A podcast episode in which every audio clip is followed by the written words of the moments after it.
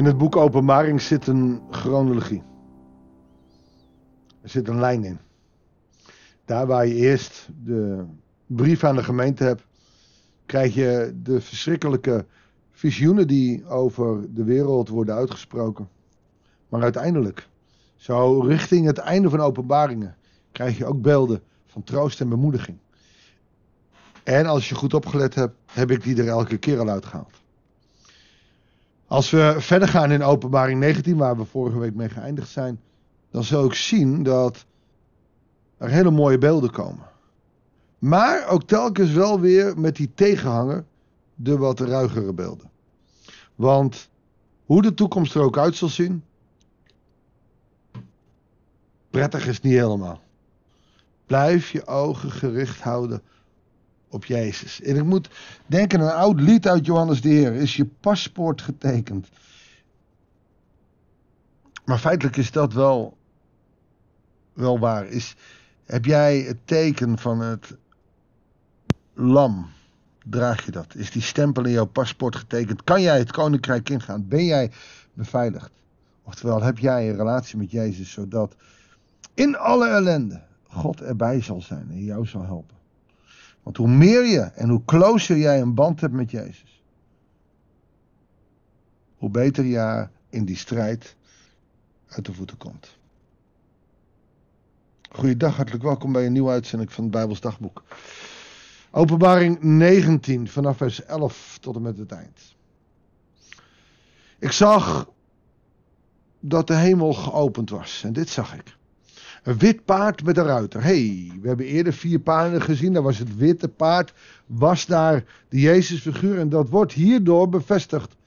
Omdat, nou let maar op. De ruiter die trouw en betrouwbaar heten.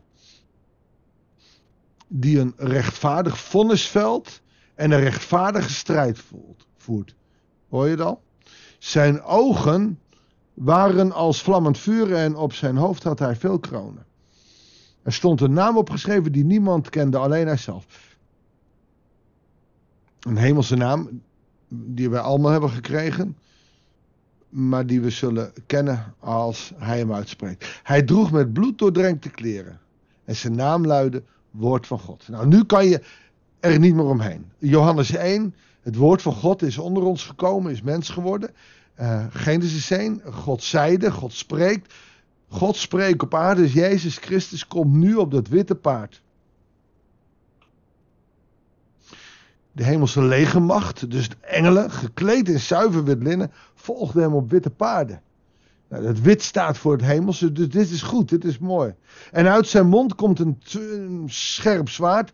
Elders wordt er over een tweesnijdend zwaard gesproken, waarmee hij volken zal slaan en hij zal hen met ijzeren herderstaf hoeden.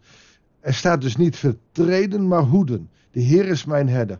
Mij ontbreekt niets. Maar met uw stok en uw staf, die vertroosten mij in diezelfde psalm. Daar is dit. Hij zal met een ijzeren herderstaf heersen.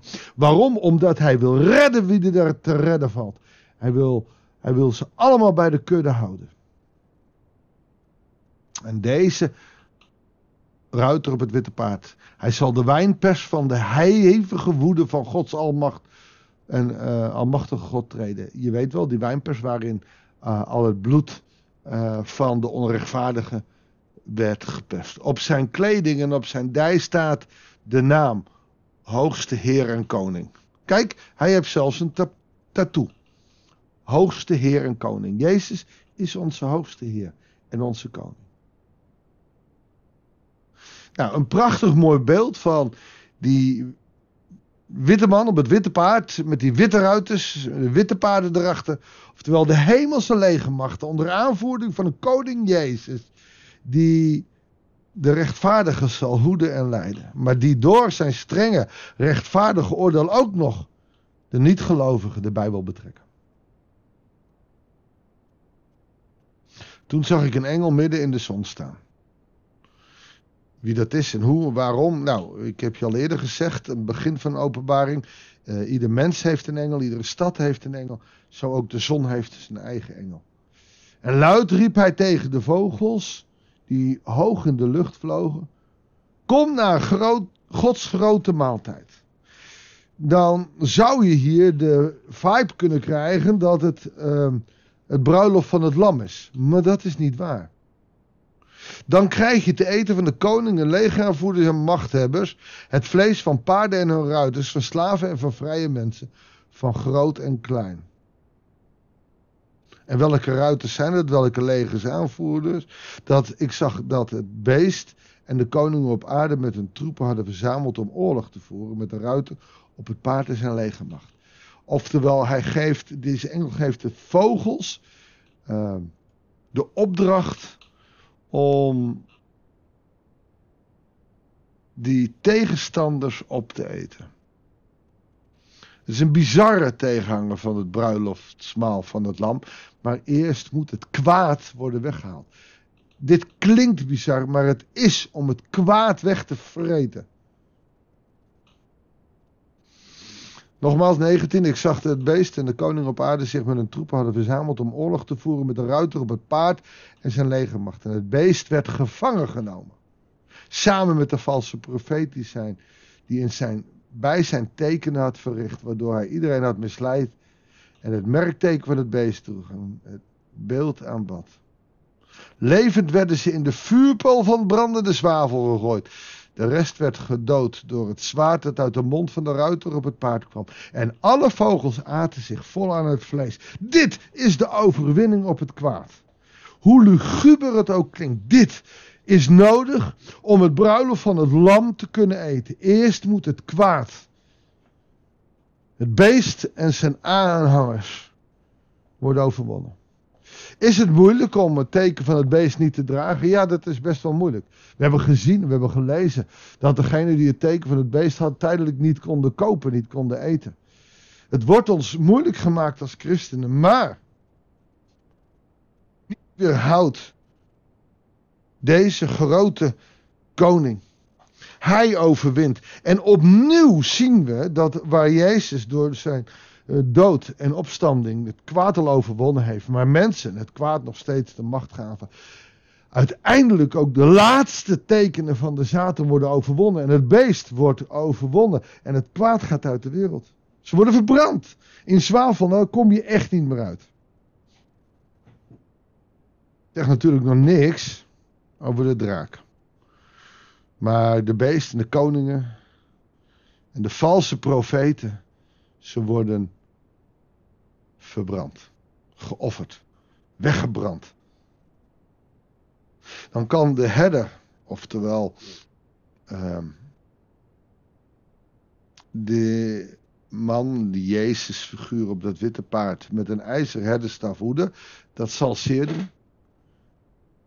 Maar uiteindelijk mag je delen in de victorie en de overwinning van deze Jezus. En dan zal je lijden. Niet net als de vogels die dit vreselijke maaltijd moeten eten, maar uiteindelijk zal je mogen aanschuiven aan het bruiloftsmaal van het lam. En daar lazen we al over in vers 9 van dit hoofdstuk. Gelukkig zijn zij die voor het bruiloftsmaal van het lam zijn uitgenodigd. Eerst moet daarvoor het beest en zijn aanhangers gedood worden. Zullen we bidden? En Vader, wat een prachtig beeld van u die komt op een wit paard. Rein en heilig. En...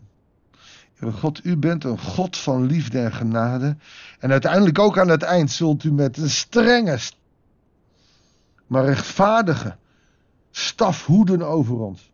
Om ons bij u te houden. Bij de kudde te houden. Zodat het beest en de aanhangers en de, de valse profeet Heer God, ze zullen dezelfde dood sterven als ze velen hebben laten sterven. Heer, hier mogen we hoop uithalen. Als mensen zijn we bang voor de dood. Maar de dood is niet het einde, de dood is het begin van het eeuwige leven. Als wij onze kleren, ons leven drinken in het DNA van het bloed van het lam. Dan zullen we ook het bruiloft van het lam mogen eten. Heer God, wilt u ons die hoop in ons hart geven. Juist in deze adventtijd. Advent is niet alleen maar kijken naar een babytje in de kribbe.